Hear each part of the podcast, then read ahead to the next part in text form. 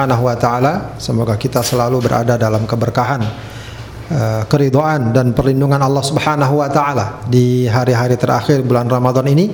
Ya, kita mohon tentu saja amal ibadah kita yang sudah kita lakukan dikabulkan dan diterima Allah ya dan juga uh, sisa hari yang tinggal beberapa hari ini dapat kita maksimalkan dengan ibadah dan ketaatan, amal soleh dan kebajikan ya sehingga kita dapat ya menyempurnakan Ramadan kita dengan sebaik-baiknya.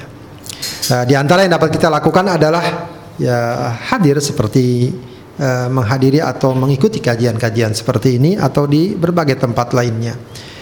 Baik, uh, sahabat Adrim yang dimuliakan Allah Subhanahu wa taala, kita akan lanjutkan kajian kita membahas uh, hadis-hadis yang terkandung dalam kitab Al-Arba'in An-Nawawiyah kita masuk pada al-hadithul khamis wal ishrun, hadis yang ke-25 yang berbicara tentang ya, sedekah dan juga berbagai macam peluang pahala, peluang kebajikan.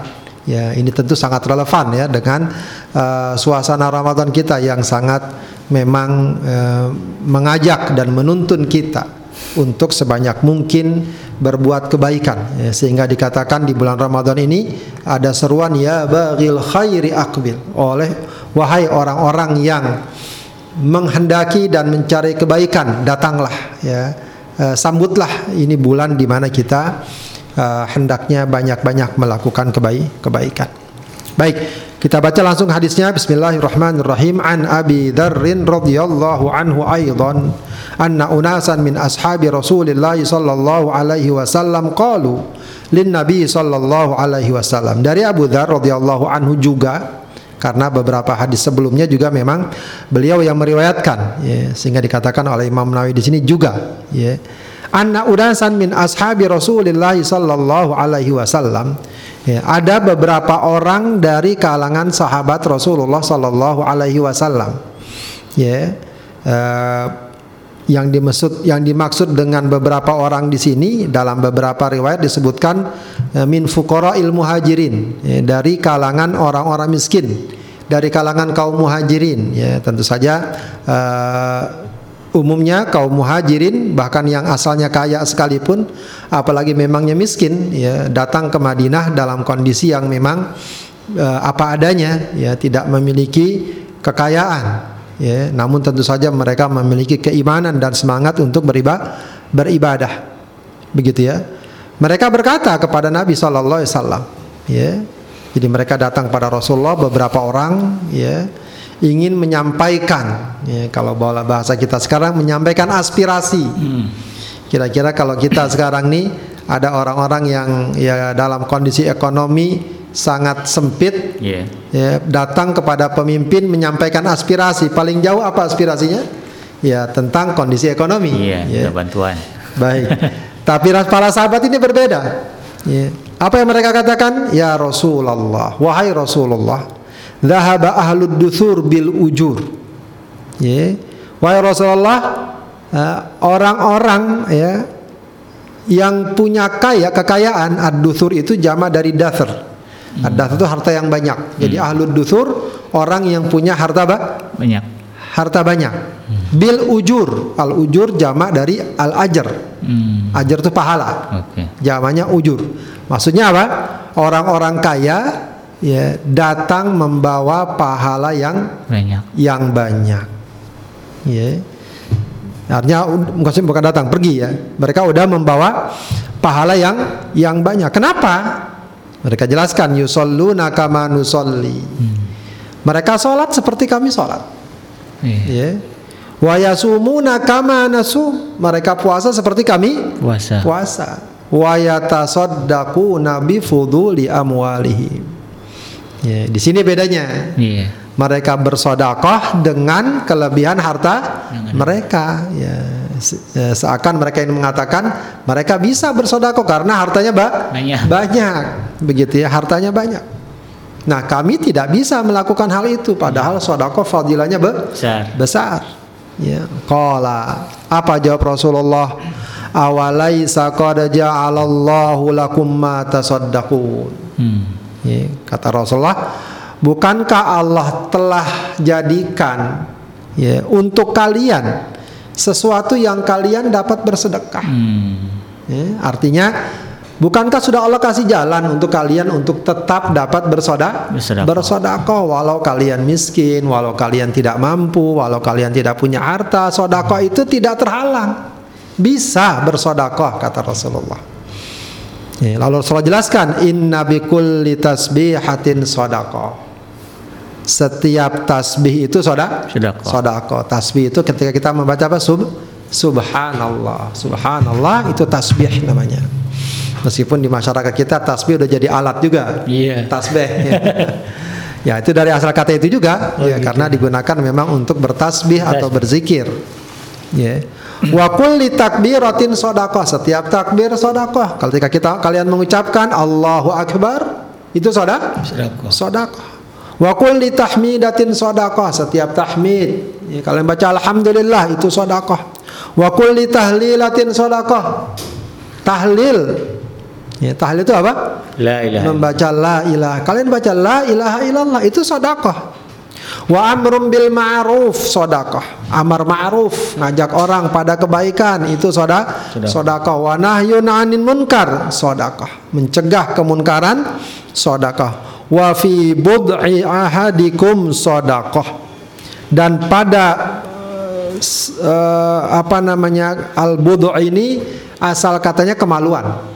Ya, namun yang dimaksud di sini adalah berjima. Oh. Berjima hubungan intim suami istri Iya. dan ketika kalian berhubungan intim ya, suami istri itu sedekah. Masya Allah. Ya. Jadi nggak salah kalau ada sebagian candaan dalam tanda kutip ya bersodakoh sama istri, bersodakoh sama keluarga ya, dengan makna eh, berjima Oh, iya, itu iya, iya. memang ada rujukan hadisnya. Wa fi bud'i ahadikum Sedekah. sodakoh. Ya, bahkan ya sampai berjima pun itu soda sodakoh. Nah, eh, ketika Rasulullah sampaikan hal ini, sahabat agak heran juga kalau masalah bertasbih sodako, bertahlil sodako, amar ma'ruf nahi munkar sodako masih mungkin diterima. Tapi kok ini hubungan intim yang memang di dalamnya syahwat urusannya kok dibilang sodakoh juga? Ya. Maka mereka bertanya, ya Rasulullah, wahai Rasulullah, ayati ahaduna syahwatahu wa yakunu lahu fiha ajrun? Ya. Kalau bahasa kita mungkin ya, masa sih? Ya ada masa sihnya ya. Masa sih orang menyalurkan syahwatnya terus dapat pahala? Wah. Ya, jadi kesannya selama ini yang namanya syahwat identik dengan do, Dosa. dengan dosa. Ini nyalurin syahwat dapat pahala. Rasulullah balik menjawab. Jawabnya pun bukan jawaban langsung begitu, tidak, tapi sebuah ajakan untuk berpikir, ajakan untuk eh, memakai nalar. Ya, tapi tala, na- menalar dalam perspektif syariat tentu saja. Ya. Aro'aitum law wada'aha fi haramin akana alaihi wizrun. Ya. Menurut kalian bukankah menurut kalian law wada'aha seandainya ya, dia tadi ya, menyalurkan syahwatnya di jalan yang haram akana alaihi wizrun bukankah dia berdosa Iya. Ya, naudzubillah orang menyalurkan syahwatnya dengan jalan yang Haram. di luar pernikahan. Ya, baik suka atau tidak suka, bayar atau tidak bayar, tetap ha haram. Ya, dan berdo berdosa. Wizrun artinya dosa. Fakadzalika idza wada'aha fil halali kana lahu ajru. Demikianlah jika seandainya perkara tersebut ya syahwat tersebut ya dia salurkan di jalan yang yang halal maka di dalamnya terdapat paha Pahala. pahala rawahu muslim Ya. Hadis riwayat muslim. Ya demikianlah uh, hadis yang uh, insya Allah ya uh, cukup jelas ya dan mudah kita tangkap uh, maknanya secara global ya. Namun kita akan coba uh, rinci lagi gali lagi uh, intisari dan pelajaran-pelajaran yang ada di dalamnya uh, Ibnu Daqiq Al-Aid ya, yang juga mensyarah kitab Al-Arba'in An-Nawawi ini memberikan komentar fi hadzal hadis fadilatut tasbih wa sairul adhkar. Dalam hadis ini terdapat keutamaan bertasbih dan semua bentuk zikir. Wal amru bil ma'ruf ya, wal amri bil ma'ruf wan nahyi 'anil munkar juga terdapat keutamaan amar ma'ruf dan nahi munkar wa ihdarin niyyah fil mubahat dan juga hendaknya seseorang menghadirkan niat dalam perkara yang mubah Wa inna ma tasiru ta'at bin niyatis shadiqat. Karena perkara-perkara mubah itu dapat menjadi ketaatan. Ya, apabila diiringi dengan niat yang ben yang benar. Ya, ini uh, di antara kesimpulan hadis yang disampaikan oleh uh, Ibnu Daqiq al-Al-Aid. Baik. Hadis ini berbicara tentang uh, salah satu uh, tema yang penting dan sangat besar dalam Islam yaitu sodakoh. Ya, karena orang-orang miskin tadi datang menyampaikan salah satu perkara yang mereka anggap mereka tidak dapat melakukannya karena mereka tidak memiliki uang, oh. ya, yaitu sodakoh. Nah, namun Rasulullah memberikan gambaran tentang sodakoh itu tidak sesempit dan tidak ya sekecil apa yang mereka kira hmm. karena ternyata dimensi sodako itu lu luas luas ya sodako dalam bahasa Arab ya itu berasal dari kata-kata sodako atau asidaku jujur. Ya. Kenapa dikatakan demikian? Ya para ulama mengatakan karena orang yang bersodakoh berarti merupakan bukti jujurnya keimanan. Ya. Karena apa? Karena siap dia memberikan dan mengeluarkan sesuatu sebagaimana yang Allah perintah Perintah. perintahkan. Ya, pada hakikatnya orang biasanya berat ya mengeluarkan apa yang dia miliki, apalagi hmm. mungkin dia sudah capek-capek cari, sudah sedemikian rupa ya mencari uh, pemasukan, mencari penghasilan, diperintahkan bersodakoh. Ketika dia tahu bahwa yang memerintahkan adalah Allah, dan dia beriman kepadanya maka mudah baginya untuk bersodakoh hmm. maka dikatakan sodakoh adalah sodakoh karena itu merupakan bukti kejujuran atas iman yang telah dia nyatakan sehingga dia siap untuk melaksanakan dan menunaikan apa yang Allah perintah perintahkan. Ya, apa yang Allah perintahkan. Baik. Uh, ada perbincangan apa sih beda sodakoh dan infak? Kadang antara zakat sodakoh hmm. infak begitu ya. Ya uh, para ulama menyebutkan ya, sodakoh dan infak ini adalah dua kalimat yang punya sisi umum dan khusus hmm. artinya sodakoh dalam satu sisi itu lebih umum dari infak hmm. tapi lebih khusus dari infak juga hmm. di sisi yang lain Kebalikannya infak dari satu sisi lebih khusus dari sodako, tapi di sisi lain lebih umum dari sodako. Oke. Okay. Ya. Bagaimana pemahamannya? Sodako lebih umum dari infak dalam arti apa? Sodako sebagaimana juga disebut dalam arti hadis ini tidak selalu harus berbentuk harta. Hmm. Paham ya? Yeah. ya? Kita memang kalau sudah pemahamannya sodako berarti ngasih duit atau ngasih barang ya padahal kata Rasulullah ya kamu berzikir saudara sodako amar ma'ruf sodako sampai tadi berhubungan intim sodako dalam hadis lain nanti banyak nih ya. Nolong orang sodako tersenyum soda sodako. Menyingkirkan duri sodako ya. Artinya apa? Sodako itu umum ya. Dalam hal ini dia umum ya. Nah, kalau infak kebalikannya khusus dalam arti infak itu ya hanya digunakan sebagai ungkapan ya, sebagai pengucapan hanya digunakan untuk perkara yang sifatnya materi. Ya, jadi namanya infak itu materi. Ya, ayo kita infakkan harta cuma itu istilah nggak ada infak senyum nggak ada. Kalaupun ada itu cuma orang pakai istilah aja. Ya, infak itu materi uang. Makanya uh, akar kata yang juga terkait dengan infak ini nafkah. Ya. Kepala keluarga, orang apa ayah, suami wajib memberikan nafkah. Nah itu penekanannya apa? Materi. Ya, jadi jangan kemudian saya udah ngasih nafkah, ya, senyum, ya, itu nggak bisa. Nafkah itu dalam bentuk materi. Materi. Ya, meskipun di kita ada istilah nafkah batin ya. Ya sebenarnya itu dalam bahasa Arab nggak ada istilah nafkah batin. Itu istilah masyarakat kita aja yang kemudian di, diidentikan. Padahal yang namanya nafkah itu materi. Materi. Ya, jadi uh, seorang suami wajib memberikan nafkah. Ya itu ya materi.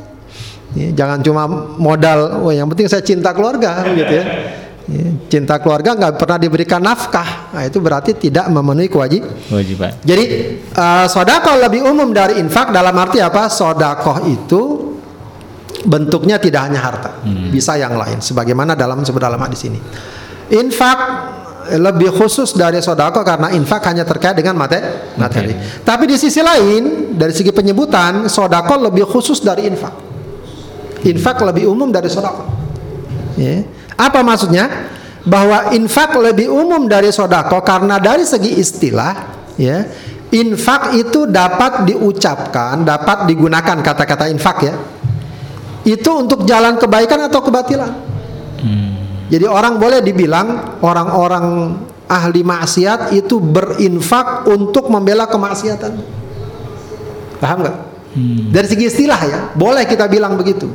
Tapi kita nggak boleh bilang orang-orang ahli maksiat itu bersodakoh untuk maksiatnya enggak. Hmm. Karena sodakoh hanya digunakan sebagai pengucapan dan istilah untuk kebaikan. Untuk kebaikan. Untuk kebaik kebaikan. Jadi sodakoh ini lebih khusus dari infak dari arti ya dengan makna hanya digunakan untuk istilah kebaik kebaikan. kebaikan. Ya, jadi sodakoh mau sodakoh yang sifatnya sunnah, yang sifatnya wajib, itu masuk sodakoh juga. Hmm. Ya, sodakoh kita nyumbang masjid, bantu orang miskin dan itu soda sodakoh. Ya. Yang wajib apa? Zakat. Nah nanti zakat. Nah ini zakat dan sodakoh. Sodakoh juga di antara mananya zakat. Hmm. Ya. Tapi tidak setiap zakat dikatakan sodakoh. Oke. Okay. Ya. Ya. Nah, maaf. Yang namanya zakat ya uh, masuk dalam bab sodakoh. Hmm. Tapi tidak setiap sodako dikatakan za yeah, zakat. Paham nggak? Iya, Di antara makna sodako adalah za zakat. zakat. Tapi juga bisa yang lain. Yeah. Yeah. Tapi kalau dibilang zakat, ya dia memang bagian soda, sodako. Sebab kalau zakat lebih spesifik. Hmm. Ya, dia adalah disebutkan para ulama harta yang khusus. Hmm. Ya, hartanya khusus, maksudnya jenis hartanya udah ditetapkan harta mana aja yang harus zakat, yang boleh zakat, okay. yang wajib zakat. Enggak semua harta ada zakatnya. Ya, kemudian uh, jumlahnya khusus, ada batasannya, ada nisabnya, enggak yeah. punya duit 5000 10.000 ada zakatnya enggak? Yeah, yeah. Ada batasnya. Ada batas. Ya. Fi miqdarin maksus dibilangnya. Kemudian alokasinya pen, penyalurannya juga terbatas. Hmm. Lito ifatin maksusah kepada kelompok-kelompok yang memang sudah ditetap ditetapkan itu zakat. Dia sangat terbatas. Nggak bisa orang ini kan uang zakat bikin jalan. Infrastruktur nggak boleh uang zakat. Ya tidak tidak boleh. Ya, sebab ada alokasinya yang jel Bilas. nah sodako itu umum. Ya termasuk memang dalamnya zakat. Ya ya apa namanya perhatikan beberapa ayat misalnya. Dalam Al-Quran Al-Baqarah 261 Mathalul ladzina yunfikuna amwalahum fi sabilillah. Perumpamaan orang yang menginfakkan hartanya di jalan Allah. Allah. Kama habbatin ambatat sabah sanabil. Sebagaimana orang apa sebagaimana benih yang menumbuhkan tujuh tangkai tujuh tangkai memberikan seratus bu bulir. Okay. nah Allah bahasakan apa? Orang yang menginfakkan hartanya di jalan Allah. Berarti ini apa istilah infak untuk apa Tuh. kebaikan apa keburukan kebaikan kebaikan nah maknanya infak adalah ngeluarin harta hmm. Tapi dalam surat Al-Anfal ayat 36 apa Allah katakan innalladzina kafaru yunfiquna amwalahum. Sungguhnya orang-orang kafir menginfakkan hartanya juga Allah bahasakan dengan menginfak. Menginfakkan. Ya, berarti istilah infak juga dapat dipakai untuk jalan kebatilan. Hmm. Ya, orang kafir menginfakkan hartanya itu itu boleh. Yeah. Bah dari penggunaan bahasa ya. Tapi kalau sodako enggak, sodako dalam Al-Quran hanya disebut untuk kebaik, Kebaikan. kebaikan.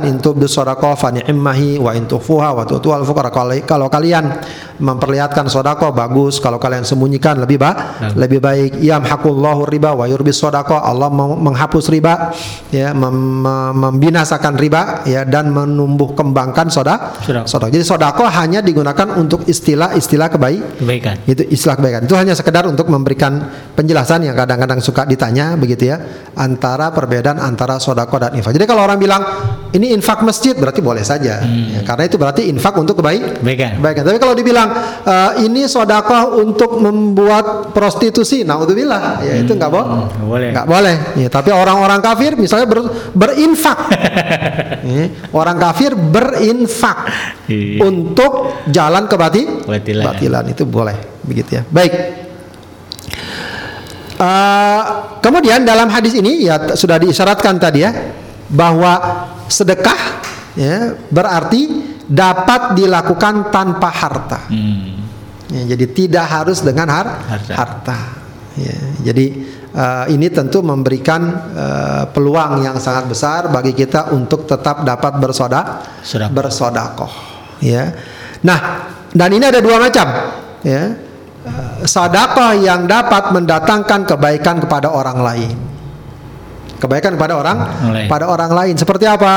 Ya berdakwah, amar ma'ruf nahi munkar, memberi pengajaran, Hmm. tersenyum. Nah, itu tadi sodakoh yang tanpa harta memberikan kebaikan buat orang orang lain. Lain.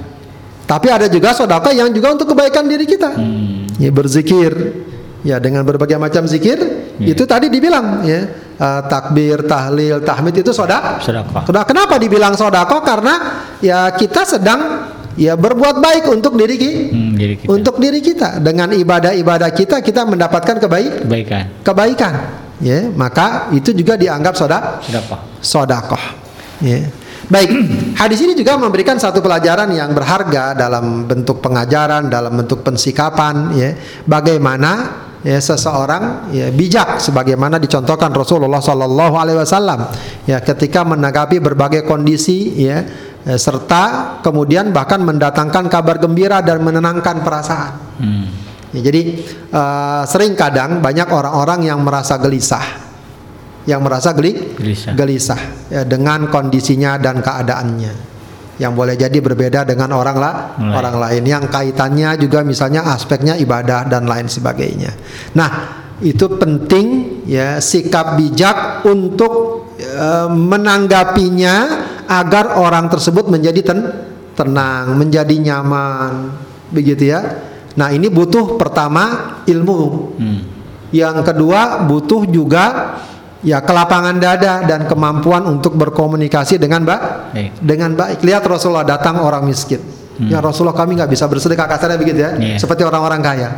Coba kalau saya sikap nggak bijak, salah sendiri kenapa miskin? Misalnya, kan kayak gitu Kerja dong. Eh, kerja dong makanya. Ya, jadi Iya. apa istilahnya ya? Seringkali ucapan-ucapan kayak gitu meskipun Iya. mungkin ya bagi kita biasa atau itu harusnya harusnya kayak gitu ente kerja yang rajin jangan Iya. malas. Nah, itu kan orang pulang dengan perasaan aduh Iya. ya semakin merana begitu ya semakin bab dia harus kerja giat itu nanti ada babnya. Ya, ada waktunya dia menyampai, Menyampaikan. menyampaikan ini tidak orang datang dengan perasaan resah Iya. merasa karena tidak bisa banyak berbuat kebaikan sebagaimana yang dilakukan oleh orang ka- oleh orang kaya. Nah, Rasulullah bikin atau sampaikan. Sampaikan solusi. Ternyata bisa kok kamu bersedekah. Ya. Atau dengan bahasa lain ya jangan berkecil hati, kamu bisa bersedekah. Nah, ini hal-hal seperti ini dibutuhkan. Ya, dibutuhkan. Tapi juga bukan asal kemudian seseorang eh, ngawur ngomong sedapatnya atau sebisanya ya. Misalnya tidak ada aturan syariat misalnya dan lain sebagainya. Ada orang datang aduh saya nggak bisa sholat sibuk segala macam. Ya udah nggak usah sholat lah itu nggak benar. Ya karena akan keluar dari syari Syariat. dari saat gimana saya lagi safar nggak bisa sholat? Eh, antum bisa sholat. Ya. Misalnya gimana? Di kendaraan tetap bisa. Iya. atau di jamak dan di kosor artinya berikan solu Solusi. solusi. Ya, saya pernah ya eh, waktu ke Mekah itu Hmm. ya ketemu jamaah umroh, ketemu jamaah umroh. Nah kemudian eh, ada seorang jamaah yang kelihatan sedih begitu ya, ketika ke- main ke kamar ada bertemu dengan saudara. Ah, kemudian kenapa ditanya sampai kata saudara itu? Iya kasihan dia dia nggak bisa ke Masjidil Haram. Kenapa? Dia kena beser gitu ya, kena Iya, beser. Jadi keluar terus begitu. Iya, Cing. Kata ustadznya nggak boleh ke Masjidil Haram kalau kayak gitu gitu ya. Iya. Waduh saya kasihan sekali udah jauh-jauh datang Iya. dari tanah air ke sana nggak bisa ke Masjidil Haram. Iya. Saya bilang bisa pak, bapak pakai aja pampers nggak apa-apa. Ya, Ah. pakai apa namanya? Pembalut lah kasarnya Iya, gitu ya. iya. Apalah yang sekiranya bapak pakai, ya lalu bapak wudhu, ya udah bapak ke masjid. Oh bisa ya Ustaz? Bisa katanya. Bisa Pak? Bisa, senang sekali dia. Artinya sesuatu yang eh, apa namanya sebenarnya bisa dalam Iya. syariat. Ada kemudah, kemudahan orang yang terkena beser itu dia tetap bisa sok Sholat. bisa sholat ya bisa sholat asal yang penting masuk waktu dia bersihkan semua Iya. dia berwudu dia tambal ya dia tampal begitu ya Iya. agar nggak keluar berceceran sudah sholat ya tidak mengapa walau ya lagi sholat keluar Iya. nggak apa-apa itu keringanan buat mereka Iya. buat mereka itu ada babnya dalam kitab fikih dan seterusnya nah, kadang-kadang ada orang yang ingin memberat Berat kan? memberatkan ya. ada orang yang ingin memberatkan ya, banyak itu kisah-kisahnya dalam bab Iya. ihram ya ada yang lagi ihram kemudian ada nyamuk nempel Aduh, udah. tekok Ya. Denda. nah kena denda gitu ya kadang-kadang begitu bikin orang jadi Eh, was-was. Padahal Islam itu juga sebenarnya mudah Iya. begitu ya. Mudah. Kasih kasih kemudahan. Mudah. kasih kemudahan. Oh dosa Pak Ustaz? Saya Masya Allah dulu nih penuh dengan dosa. Ya, taubat selesai. Iya. Selesai tau? Taubat. Begitu ya. Yang penting kamu benar taubat selesai. Nah, itu penting memberikan dorongan-dorongan dan motiva Motivasi. dan motivasi. Jangan kemudian malah menyulitkan, malah memberatkan dan lain sebagai dan lain sebagainya. Pada zaman Rasul juga ada seperti itu. Ya, ada orang yang, aduh saya gimana nih sahabat? Ada saya gimana nih? eh, dia apa namanya? Entah dari peperangan kalau tidak salah. Ya luka-luka. Lalu kena junub dia mungkin mimpi. Iya. Nah, gimana saya nih kena junub? Apakah harus mandi? Kata, Iya. iya harus mandi. Maka dia mandi dan akhirnya meninggal. Masya Allah. Rasulullah sangat marah. Ya. Dia bilang apa? Rasulullah katakan kota luhu. Mereka telah membunuhnya itu. Artinya sama dengan seakan-akan membunuhnya. Fa inna su'al al apa fa inna eh, apa ya eh, dawa al ayyi as-su'al au kama qala ya. Sungguhnya orang kalau tidak paham tanya dulu. Ya. Jangan langsung berikan jawaban-jawaban yang justru akan memberat Memberatkan. memberatkan justru akan memberatkan. Baik. Nah ini sikap bijak ya dalam menghadapi kondisi dan mendatangkan kabar gembira menenangkan perasaan dan lain sebagainya. Baik. Di sisi lain kita dapati dalam hadis ini bagaimana mentalitas para sahabat. Ya, berlomba-lomba untuk berbuat kebaikan. Kebaikan.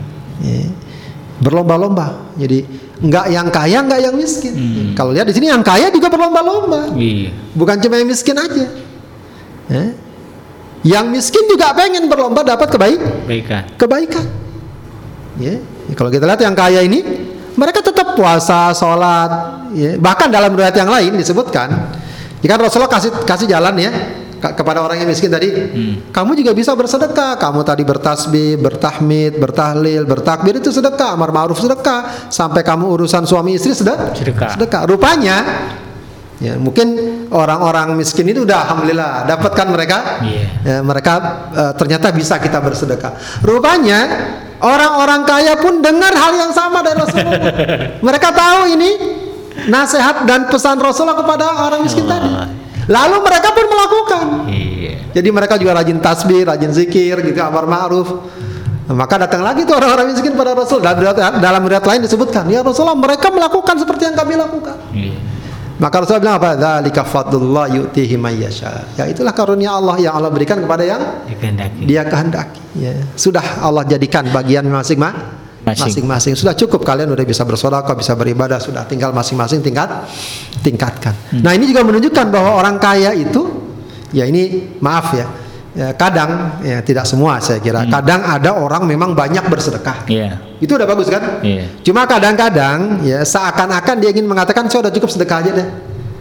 Paham nggak? Iya. Ustaz. Ya kalau soal sholat soal apa saya nggak nggak tapi apa istilahnya Tapi serius. nggak tapi serius begitu ya nggak tapi serius atau kadang-kadang dia merasa dengan sedekah sudah selesai kewajiban yang lain nggak perlu dia lakukan Iya. toh pahala saya sudah banyak dengan sedekah Sedekah. sedekah tidak demikian dengan para sahabat mereka bersedekah tapi mereka bersemangat bera Beramal. beramal Allah. Paham nggak? Yes. Jadi bahkan ya eh, kalau kita lihat misalnya para sahabat eh, sedekahnya atau sumbangannya dalam jihad luar biasa. Luar biasa. Luar biasa Abu Bakar sodakohnya, Utsman bin Affan sodakohnya. Ya 100 ekor unta lengkap dengan perlengkapan. Ya. Tapi dia dengan sedekah gitu udah saya sedekah aja ya nggak ikut perang. Enggak. perang. Dia ikut berperang. Ikut berperang. Ikut berperang. Ya, para sahabat yang bersedekah ikut mereka berji Jihad. berjihad. Ya, maksudnya eh, ini sebuah gambaran bagaimana mereka betul-betul berlomba-lomba untuk mendapatkan kebaik, Kebaikan. kebaikan, melakukan kebaik, Kebaikan. kebaikan. Ya, jangan eh, giliran pengen dapat jatah berlomba-lomba. Iya. Giliran harus menunaikan kewajiban ya yang lain dulu begitu ya. Tidak, mereka itu berlomba-lomba eh, eh, dengan kebaikan. Nah, itu ada ungkapannya tuh saya lupa istilahnya. Mereka tuh salafus soleh. Kalau udah giliran masalah jatah dapat bagian, mereka tuh paling menahan diri. Iya. Ya istilahnya kalau lagi perang bagian-bagi ghanimah mereka Iya. Belakangan eh, dah. nggak nggak inilah. Tapi giliran ada panggilan jihad mereka pengen dulu-duluan. Insya Allah. Ya, sampai kita tentu kita kemarin ingat ya kisah bagaimana Ibnu Umar Iya. pengen ikut jihad, Iya. diapain sama Rasulullah? Tolak. Ditolak. Masih muda. Pengen masih ke jadi Iya. giliran masalah itu mereka rebutan. Hmm. Ya, giliran masalah oh, jatah saya mana jatah saya mana mereka enggak. Gitu. Itu gambaran salafus soleh secara eh, secara umum. Ya, secara umum. Ya, sesuatu yang juga hendaknya eh, menjadi eh, teladan bagi kita. Ya, di sisi lain mereka tuh sedih. Ya, kalau tidak mendapatkan kebaikan yang dapat dilakukan oleh orang lain. Ya, jadi eh, orang-orang bisa saya enggak, orang-orang bisa sholat saya nggak bisa sholat, orang bisa puasa saya nggak bisa. Harusnya kesedihannya di situ seorang muslim tuh. Ini ada sebuah gambaran yang sangat indah ya di dalam surat At-Taubah ayat 92. Ya, eh, Allah gambarkan tentang bagaimana para sahabat sedih ketika mereka tidak dapat ikut berjihad. Hmm. Ya. Ya, Allah kabarkan Allah berikan dispensasi dan kebolehan dan tidak di tidak diancam dengan hukuman Allah siapa di antaranya wala alal ladina idza ma atau idza ma atau kali tahmilahum qul tala ajidu fi ma ahmilukum alaihi tawallau wa a'yunuhum tafidu minad dam'i hazanan alla yajidu ma yunfiqun dan tidak berdosa orang-orang yang nggak ikut perang jihad. Ini perang tabuk ya. Perang tabuk terkenal semua sahabat harus ikut. Siapa pun. Dan mem- membiayai sendiri dirinya. Hmm. ya. Ada orang-orang yang nggak punya duit nggak punya perlengkapan nggak punya apa-apa. Hmm. ya mereka datang sama Rasulullah SAW ya untuk minta uh, kendaraan minta perlengkapan perang. Kata Rasulullah nggak ada lagi sudah. Ya udah habis semuanya padahal ya uh, perang Tabuk ini perang yang dari awal sudah dimobilisasi untuk mengumpulkan dana Hmm, jadi saking perang Tabuk ini memang berat Iya. karena perjalanannya jauh Hmm. ya mungkin sekitar 800 900 km Waduh. Ya, dari Madinah ke Tabuk ya perbatasan Yordan Iya. dekat sana begitu ya Eh, jadi walaupun dimobilisasi dana tetap kurang Ya, maka ada orang-orang yang nggak punya uang eh, minta kendaraan sama Rasulullah minta perlengkapan nggak ada lagi sudah habis Ya, maka akhirnya apa tawallau ya Allah gambarkan wa a'yunuhum tafidu minadda mereka pulang sambil bercucuran air mah Mata. hazanan alla yajidu ma yunfikun karena mereka sedih ya tidak memperoleh apa yang akan mereka nafkahkan. Jadi eh, sebuah gambaran bagaimana mentalitas yang harus juga layak menjadi teladan bagi kita. Ya kalau nggak ada kesempatan beramal itu se- sedih. Ya, seperti sekarang nih ya banyak. Mungkin meskipun tidak terhalang total kesempatan-kesempatan beramal ini banyak yang sedikit terhalang. Iya. ya. Nah, ya sekarang mungkin kita nggak bisa silaturahim pulang ke kampung Iya. misalnya. Atau mungkin ada orang-orang bisa bersedekah saya nggak bisa bersedekah dan seterusnya. Itu sesuatu yang juga harusnya ada eh, kesediaan sedekah harta maksudnya ya. Ya. Jangan sampai ini juga fenomena yang eh, kadang-kadang ada orang sedih untuk hal-hal yang sangat sepele ya. Iya. Eh, ada seorang penggemar artis anu sedih nangis. Kenapa? Idolanya meninggal. Idolanya sakit atau Iya, apa dan seterusnya. Sedih-sedih untuk hal-hal seperti itu bukan sesuatu yang mutlak. Iya. ya. tapi sedih seorang muslim itu adalah ketika dia terhalang Hmm. ya untuk mendapatkan kebaik Baik kan. kebaikan. Baik. Hadis ini juga berbicara tentang betapa luasnya keutamaan Allah, banyaknya pintu-pintu kebaik kebaikan. Siapa pun tidak ada orang yang terhalang untuk mendapatkan kebaikan. Jadi kebaikan bukan hanya dominasi orang kaya, bukan hanya dominasi ustadz, bukan hanya dominasi santri, siapa pun bisa berbuat kebaik Kebaikan. kebaikan. ya. Dan itu ada kapan saja dan di mana saja. Tinggal masalah mau atau tidak itu aja. Ya, tadi kita berzikir ringan, itu kebaikan. Itu sodak, Sudah apa? sodako. Ya, kita amar ma'ruf nahi munkar, sodak, Sudah apa? sodako. Ya, kata ada apakah siapa saudara kita misalnya siang-siang nggak puasa kok nggak puasa? Hmm. Jangan gitu dong, gitu ya. Puasalah.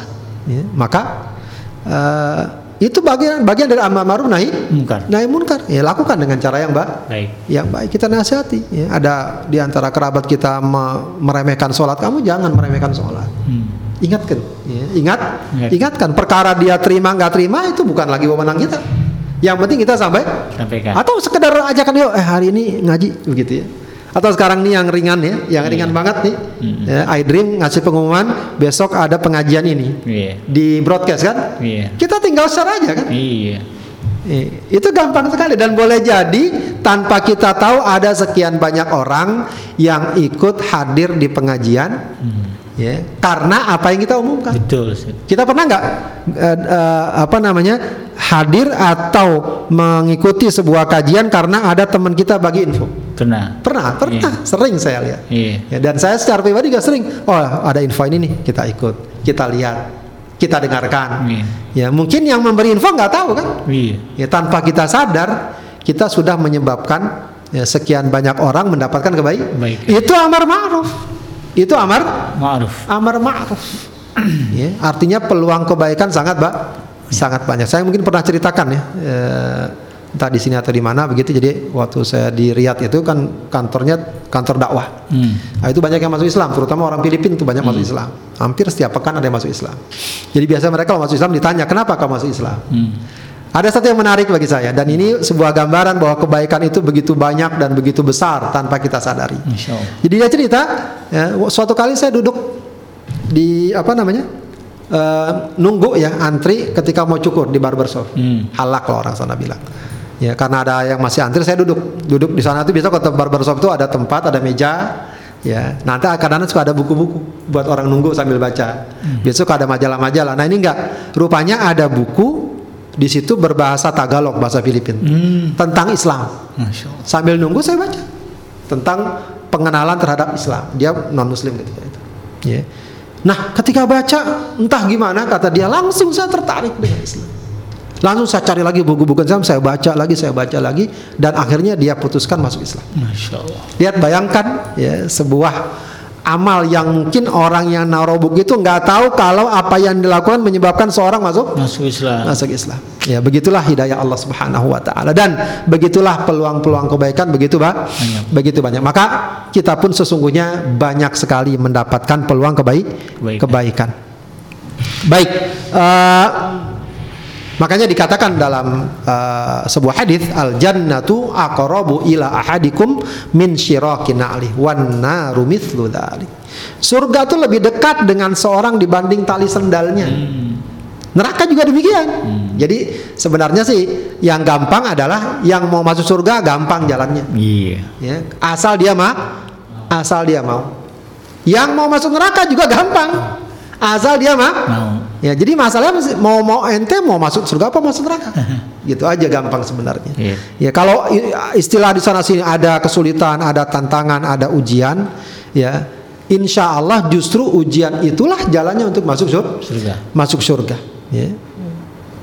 Baik, kemudian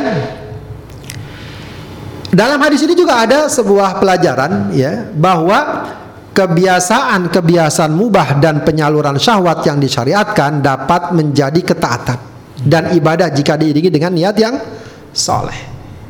Ya, jadi tadi itu ya masalah eh, menyalurkan syahwat, masalah berjima dan seterusnya itu kan sebenarnya masalah yang sifatnya mubah ya, netral. Hmm. Ya, mubah. Nah, itu bisa menjadi kesolehan dan ibadah ketika kita iringi dengan niat yang baik. Ini yang dahulu dalam bab niat itu masuk dalam bab ya, niat itu bisa menjadi apa namanya pembeda antara masalah adat dan masalah ibadah. Ibadah. ibadah. Ya, masalah adat dan masalah ibadah. Artinya apa? Sebuah kebiasaan akan menjadi eh, apa namanya akan menjadi ibadah akan menjadi amal soleh kalau diiringi dengan nih Ya. dengan niat. Ya meskipun ada yang mengatakan orang kalau udah muslim ya Islam itu jadi niatnya, tapi lebih spesifik lagi. Ya, hendaknya dia hadirkan niat. Ya, niat ya maaf dalam makan kita niat agar kuat berdakwah, agar kuat beribadah, Beribadah. bekerja. Kita tiap hari bekerja. Ya, nggak disuruh pun kita bekerja biasanya kan. Tapi bagus kalau diri saya niat bekerja untuk menghidupkan keluarga, untuk membantu orang tua, untuk bersodako. Banyak bisa kita niatkan banyak-banyak. Iya. Ya, uh, Ibnu Qayyim kalau tidak salah menjelaskan orang bisa menyertakan sekian puluh niat dalam satu amal. Hmm. Ya, jadi ketika kita belajar misalnya kita kuliah, sertakan niat pernah karena dapat ridho Allah, Hmm. karena ingin menyenangkan orang tua, Hmm. karena dengan ilmu nanti bisa berbuat kebaikan, begitu ya? Yes. Karena dengan ilmu nanti bisa mengajarkan orang dan seterusnya. Niat-niat itu bisa akan semakin meningkatkan kualitas amal ibadah kita, Ya. amal ibadah kita. Ya, niat maaf berhubungan suami istri, niat menyalurkan syahwat dengan yang halal. Niat dapat membentengi diri kita dari godaan dan tarikan syahwat yang ha- Haram. yang haram. Niat agar punya keturunan yang soleh. Niat menyenangkan istri, menyenangkan suami dan seterusnya. Ya, itu menjadi niat amal so- Amal soleh. amal soleh. Ya, maka eh, dalam hal ini ya, memang para ulama sebutkan bukan lantas orang berjima lalu dianggap sedekah tidak, tapi ketika dihadirkan niat-niat kebaik Kebaikan. kebaikan. Ya, niat-niat kebaik kebaikan. Ya, meskipun itu ada yang sifatnya umum, ada yang sifatnya detail dan dan semacamnya. Ya, ini eh, menunjukkan bahwa lagi-lagi akan semakin terbuka medan kebaikan buat ki, buat kita sepanjang selalu kita iringi dengan niat-niat yang ba- Baik. dengan niat-niat yang baik.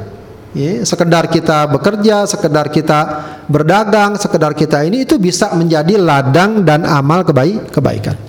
Baik, hadis ini juga memberikan gambaran bahwa eh, kita boleh ya meminta sesuatu yang dapat bermanfaat bagi seorang muslim ya dan dapat meningkatkan derajat yang lebih sempur, sempurna. Jadi kita minta tolong berikan informasi, tolong berikan ajaran, tolong berikan ini yang membuat apa? Kita lebih baik, lebih baik. Ya, dan mestinya memang demikian, ya. Eh, mestinya demikian, demikian dikasih ajaran, dikasih panduan, dikasih eh, minta diberikan sesuatu yang dapat membuat dia lebih baik, lebih baik. Yang paling dekat dalam masalah ini adalah minta nasihat, ya minta ajaran, minta petunjuk yang dapat eh, mengantarkannya kepada perbuatan yang lebih baik. Baik, dalam hadis ini juga terdapat keutamaan orang kaya yang bersyukur dan orang fakir yang bersabar. Ya, dua-duanya nggak ada yang kurang.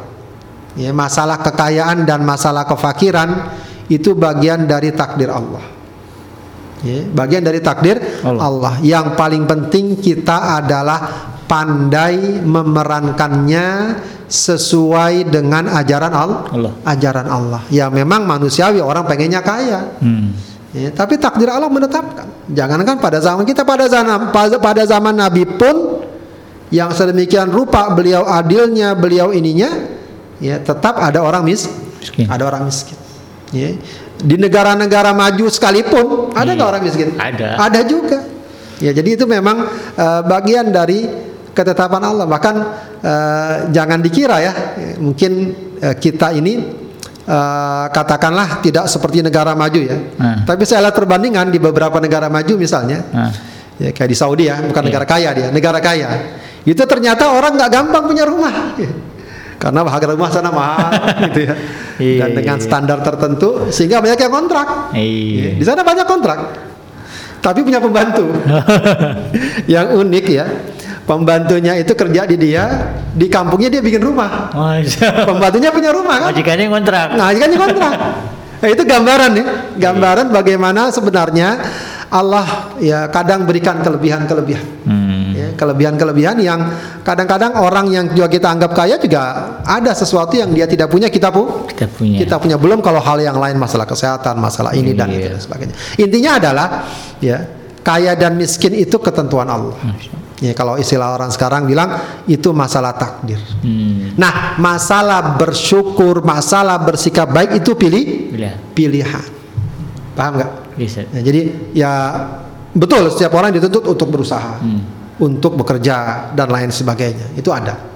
Tapi kita lihat banyak orang yang memang sudah berusaha Iya. ya banting tulang ya Allah berikan rezeki memang segitu. Iya. Ya, jadi jangan juga kemudian kita judge ya orang-orang yang miskin, orang fakir, ente sih malas berusaha. Iya. Ente siapa tahu dari mana orang itu malas berusaha. Dia bangun dari subuh sampai isya dapatnya Iya. cuma 50 ribu, 100 ribu. Betul. Ya, jangan dia, jangan kita langsung vonis dia malas berusaha. Iya. Ya, apalagi dengan kadang-kadang kondisi sistem yang tidak baik dan lain sebagainya dan lain sebagainya. Ya, jadi eh, itu ketentuan Allah Subhanahu wa taala. Yang paling penting adalah tadi ya kalau kita diberikan kekayaan jangan lupa bersyukur Syukur. bersyukur bersyukur dengan makna syukur yang umum ya. Yang paling tinggi syukur itu adalah ketaatan dan penghambaan kepada Allah. Hmm. Ya, itu syukur yang paling tinggi. Ya, ya, sebagaimana ungkapan Rasulullah Sallallahu Alaihi Wasallam, "Afala aku abdan Syakura." syakura." Ya, dia kenapa Rasul sampai beribadah, sholat sampai dia pengen bersyukur. Bersyukurnya diwujudkan dengan apa? Dengan ibadah. Ibadah. Ibadah. Jadi orang bersyukur tapi tidak berujung kepada ibadah, penghambaan kepada Allah dalam perspektif ajaran Islam itu bukan bersyukur atau belum mencapai derajat syukur yang yang tinggi. Ya, sebagaimana juga ungkapan Nabi Sulaiman alaihissalam eh, ketika Allah berikan berbagai macam kelebihan, ya hada min fadli rabbi liyabluwani aashkuru am akfur. Ini semua adalah keutamaan dari Tuhanku untuk menguji aku apakah aku bersyukur atau ku atau kufur. Nah, ketika Allah berikan kita mungkin kesulitan, ya sekarang juga banyak orang-orang yang ternyata berkecukupan, mungkin Allah uji ya dengan segala keterbatasan, entah yang di PHK, entah yang sulit ekonominya dan seterusnya. Di sini kita sedang dituntut untuk memerankan ya kesabar, kesabaran, ketabahan, menerima atas ketetapan Allah selain kita berikhtiar maksimal mencari kebaikan yang dapat kita kejar. Jadi sadari, oh ini saya lagi lagi dituntut untuk memerankan kesabaran. Ya, jadi kalau kita kaitkan misal dengan eh, film misalnya, Hmm. ya orang main film itu yang dilihat dinilai apakah posisinya atau perannya. Peran. Ah, dia, dia jadi orang jahat. Hmm. Apakah lantas dia kemudian oh kalau dia karena perannya orang jahat maka dia bintang film nggak benar misalnya nggak akan dilihat itu. Iya. Tapi ketika dia memerankannya dengan penuh penjiwaan itu akan dinilai, Iya. akan ini Nilai. akan dinilai. Ya, meskipun bukan berarti di dunia jadi orang jahat perannya Iya. bagus tidak. Maksudnya adalah ketetapan Allah itu sudah berlaku. Ada yang Allah kasih sakit, ada Allah, ada yang Allah kasih penderitaan, ada yang Allah kasih ujian, masing-masing. Masing-masing. Ada yang Allah kasih kesenangan, kebahagiaan dan seterusnya. Ya. Nah, tinggal bagaimana seseorang bisa memerankannya. Ya, memerankannya. Ya, sebab boleh jadi ada orang yang Allah berikan kelebihan namun dia tidak memerankannya dengan baik. Hmm. Kesombongan yang ada melampaui batas sesungguhnya dia tidak lulus. Ya, tidak lu Lulus. tidak lulus. Ada orang yang diberikan kesulitan tapi dia perankan dengan baik, tetap bersabar, tetap rajin beribadah, tetap taat, maka sungguhnya itulah yang sukses dan yang lulus di sisi Allah Subhanahu wa taala. Baik, hadis ini juga menggambarkan tentang boleh kita iri kepada orang lain, ya, iri dengan pemahaman yang positif ya. Maksudnya adalah agar dirinya seperti orang tersebut dalam hal yang diperbolehkan dalam aga- Agama. agama, khususnya hal-hal yang kebaikan. Ya, kita iri sama orang kaya tapi masih rajin sholat, tapi masih rajin sedekah, ya nggak apa-apa. Itu boleh. Itu sebenarnya namanya bukan iri, ya. Sebab kalau kita memang istilahnya eh, campur ya. Eh, yang kalau dalam bahasa itu namanya ghibtah. Sekedar kita pengen seperti dia, tapi kita tidak memusuhi dia. Oh iya. begitu ya. Tidak sampai menginginkan dia celaka atau nimanya hilang. Kalau sampai kayak gitu namanya hasud hasad. Ya. Ya, sampai aduh mudah-mudahan celaka dia. Atau gimana caranya agar dia susah. Nah itu hasad namanya. Ya, di dunia biasa di dunia pekerjaan kadang suka gitu. Dia dapat jabatan gimana biar jabatan jatuh? Iya. ya. Itu namanya hasad. Ya, namanya ha hasad. Tapi kalau kita oh enak ya kayak dia sukses bisa pergi haji, bisa umroh, bisa sodako itu nggak apa. Yang penting ya jangan sampai ya kita menginginkan apa istilahnya uh, kerugian dan kecelakaan buat dia.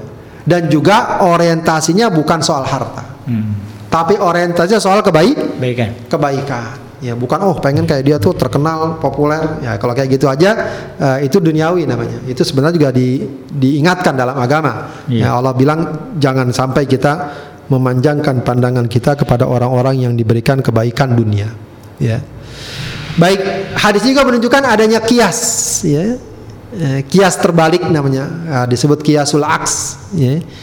ya maksudnya apa kalau penyaluran syahwat secara haram berdosa maka kebalikannya penyaluran syahwat secara halal berpahala berpahala. Jadi itu namanya kias terbalik. Ya, kalau begini maka kebalikannya begini. Iya. Nah itu uh, sering dipakai dalam uh, beberapa kaedah-kaedah yang yang ada. Ya, kalau harta kamu kamu gunakan untuk yang haram ya haram, kalau kamu gunakan untuk yang baik maka menjadi sumber pahala, pahala. menjadi sumber pahala. Ya, ini yang juga uh, hendaknya kita uh, kita pahami dan juga uh, dari ungkapan ini terkait dengan masalah hubungan suami istri menyalurkan syahwat juga menggambarkan apa? Menyambarkan bahwa uh, bahwa beribadah dan amal soleh dan pahala tidak selalu identik dengan hal-hal yang membuat kita sedih, muram atau tidak gembira, tidak riang, tidak.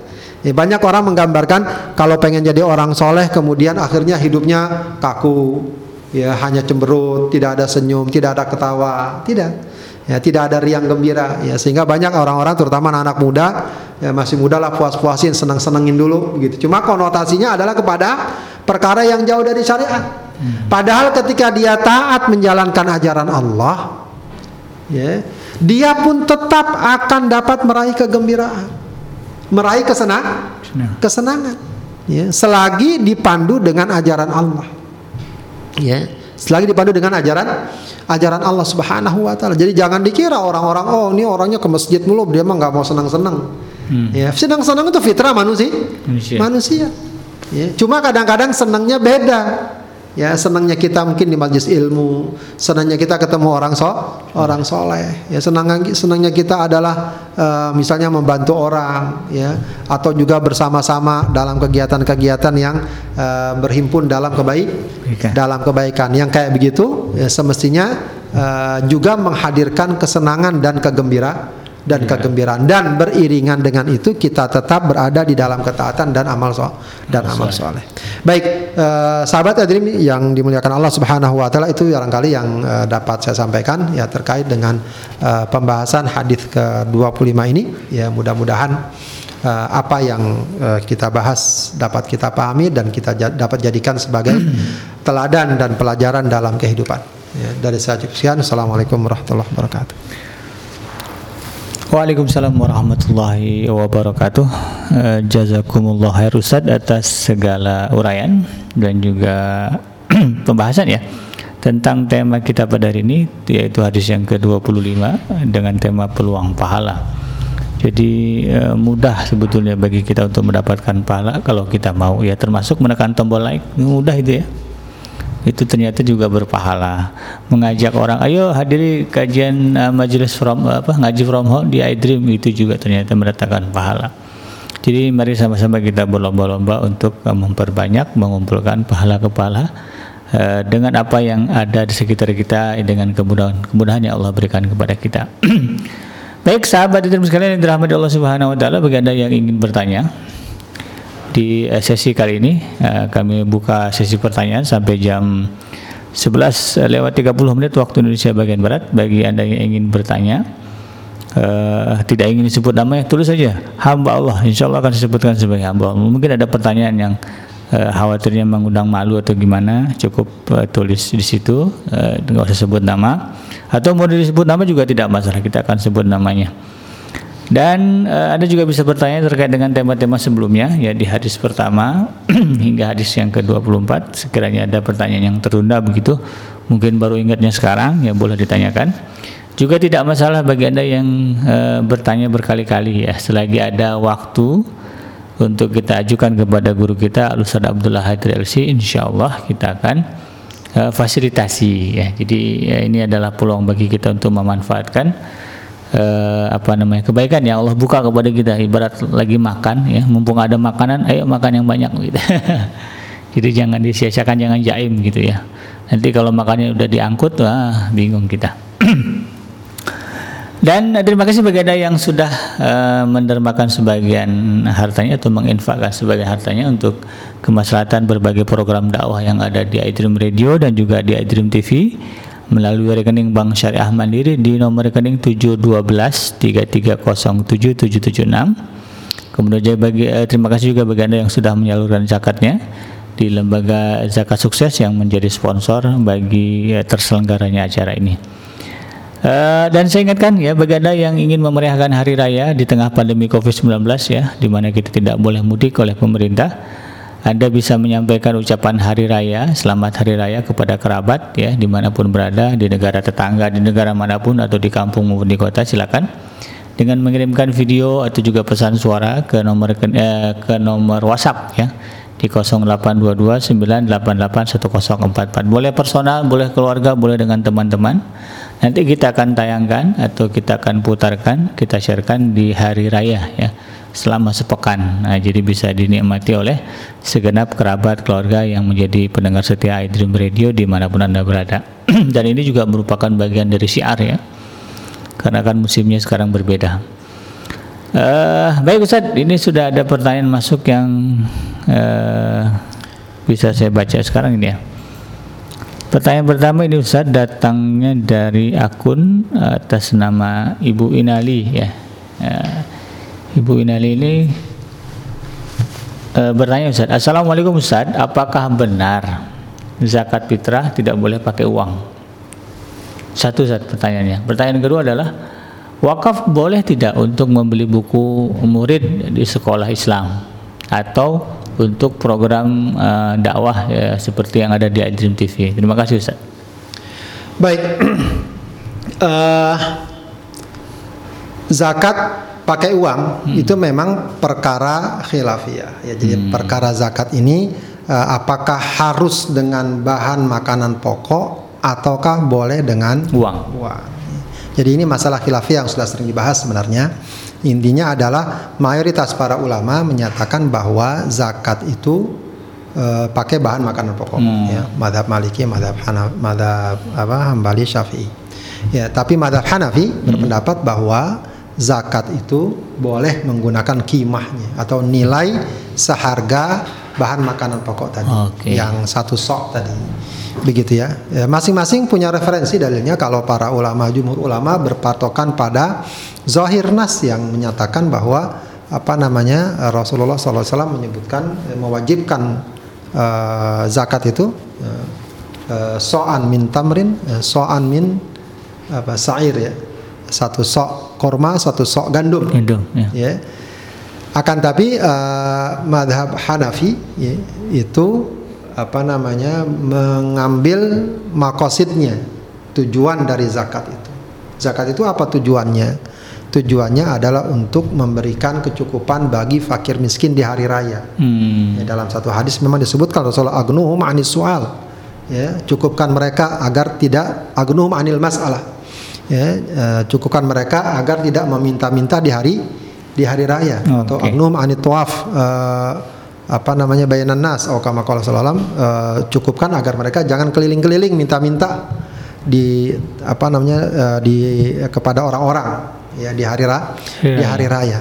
Nah, uh, ini yang kemudian banyak pada masa sekarang ya melihat bahwa ya kebutuhan seseorang akan uang ya di hari raya hmm. bisa jadi lebih kuat ketimbang kebutuhan terhadap makanan. Iya, iya. Karena makanan biasa orang udah banyak dapat gitu ya iya. bisa jadi kecuali kalau seandainya uh, dia memang nggak punya makanan. Iya. Ya, toh dia juga bisa butuh ini butuh itu agar belum lagi kalau sudah urusan anak-anak, karir lebaran itu dan lain sebagainya.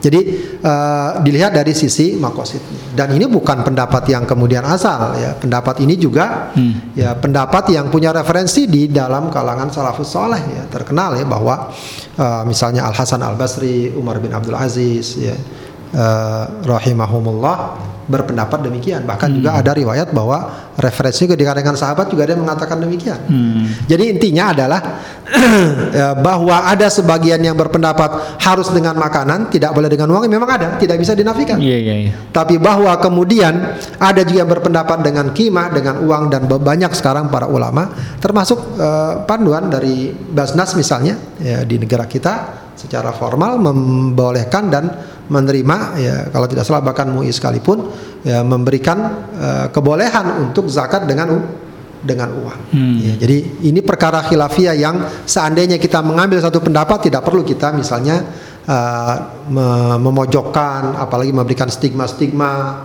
wah itu ahlul bid'ah, oh itu enggak sesuai sunnah, oh itu Iya. ahlul ahwa ya. Ada istilah ahlul ahwa itu orang yang mengikuti hawa nafsu.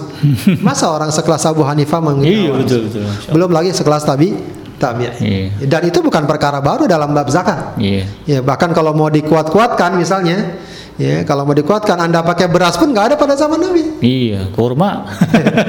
Karena yang ada dalam hadis kalau nggak korma ya gandum. Gandum ya. Ya, kalau mau dikatakan oh itu nggak ada zaman Nabi, ya beras juga nggak ada zaman Nabi. Kalau mau di diajak-ajak debat misalnya, kalau pengen main debat-debatan ya, tapi tentu tidak tidak begitu. ya.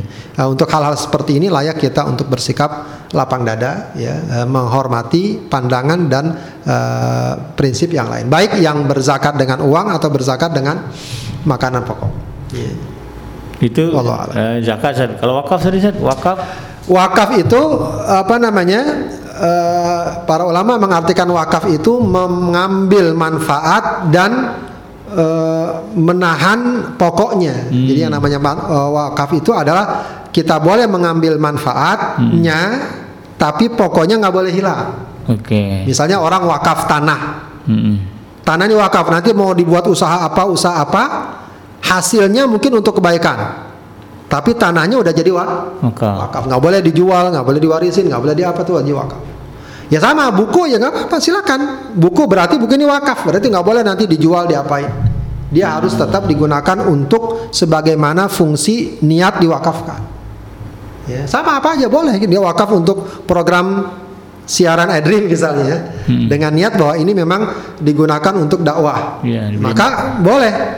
Ya dia nanti nggak boleh dijual nggak boleh diapain nggak boleh diapa kecuali ada kondisi yang sangat mendesak ya. Iya. Ya, kalau katakanlah untuk dijual itu kadang-kadang suka ada masalah ya kalau nggak dijual nanti hancur misalnya Iya. ya misalnya tapi selebihnya kalau tidak eh, apa istilahnya eh, ada kepentingan ada yang sangat mendesak tidak boleh diapa-apain jadi nggak boleh diutak atik Hmm. boleh saja dia wakaf buku ya nggak apa-apa berarti buku ini wakaf misalnya untuk pesantren ini atau untuk masjid ini Eh, nanti buku itu harus ditaruh di situ. Ya dimanfaatkan nggak apa-apa. Dimanfaatkan dibaca ya dipinjamkan misalnya tidak mengapa. Jadi manfaatnya boleh dipakai. Begitu ya. Kayak tadi wakaf di tukang cukur buku. kenapa? Ya wakaf. Buku. Iya kayak gitu.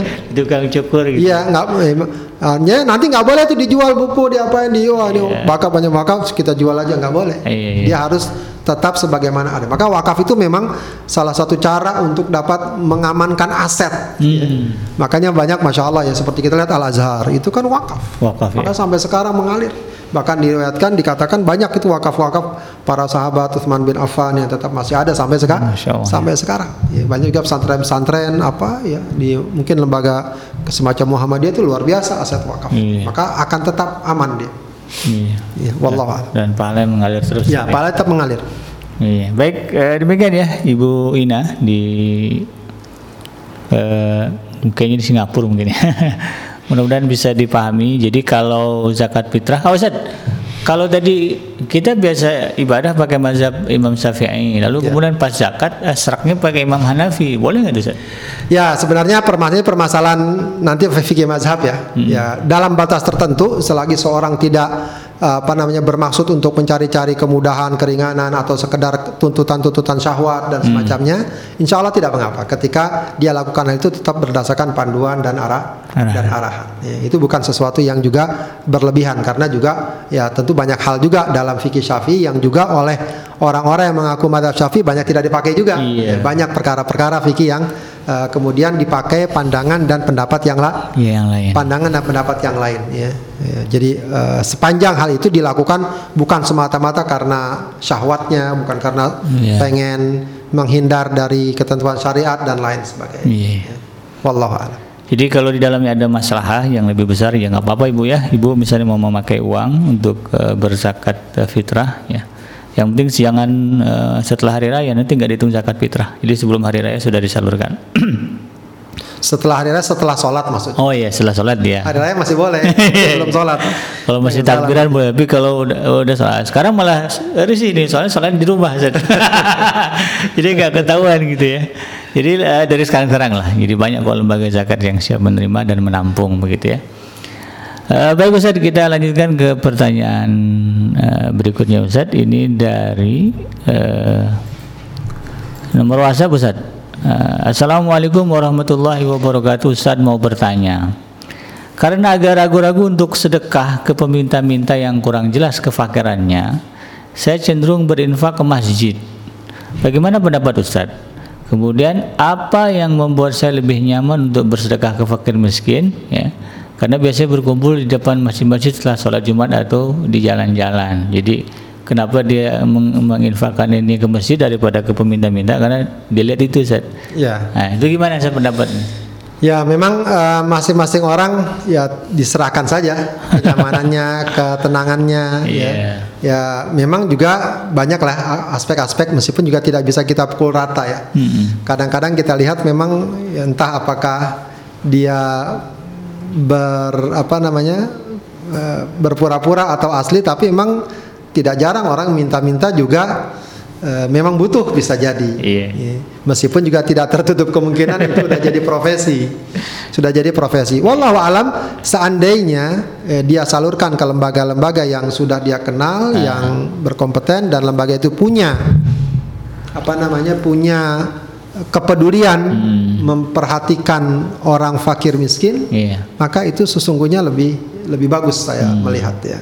Ya, saya lihat itu lebih bagus. Ya, ada teman-teman yang memang punya concern untuk menyalurkan zakat-zakat atau sodako itu ke daerah pedalaman pedusunan. Iya. Itu kan anak nggak terjangkau. Betul. Ya, bagus kalau kita punya eh, kepedulian situ. Kita lihat aja lembaga-lembaga mana yang concern untuk menyampaikan eh, sodako ke orang-orang yang benar-benar miskin. Mungkin dia nggak bisa ke kota atau nggak sempat minta-minta dan lain sebagainya. Ya dia tuh nyata-nyata miskin. Ya, itu mungkin wallahu alam kalau memang eh, pandangannya seperti itu bagus. Ya, ya, dengan harapan agar sodakonya betul-betul lebih tepat sasar Tepat lebih tepat sasaran dan betul-betul kena ya sebab memang tidak semua orang minta-minta kemudian kita anggap dia tidak punya uang boleh jadi uangnya banyak dan Iya. beberapa kasus terjadi meskipun tidak kita ingin generalisir Iya. tidak ingin generalisir wallahu a'lam Iya, jadi boleh ya Pak siapa tadi nih di Pak Warih Kundono ah, namanya. Mudah-mudahan bisa dipahami Pak ya dan bisa di ya, apa namanya lebih menenteramkan begitu. Baik Ustaz, kita lanjutkan ke pertanyaan berikutnya ini dari akun atas nama Ibu Ratna Kartika. Ustadz, kalau tadi kan eh, males eh, eh, sedekah ke orang miskin, Bapak tadi ya. Eh ke pengemis. Nah, kalau ini ada pertanyaan begini Ustaz. Eh, Ustaz, apakah pemberian pertolongan materi ke orang yang bukan Islam? Nah, karena kan beliau tinggal di Jerman tuh. Nah, ini termasuk sedekah atau infak?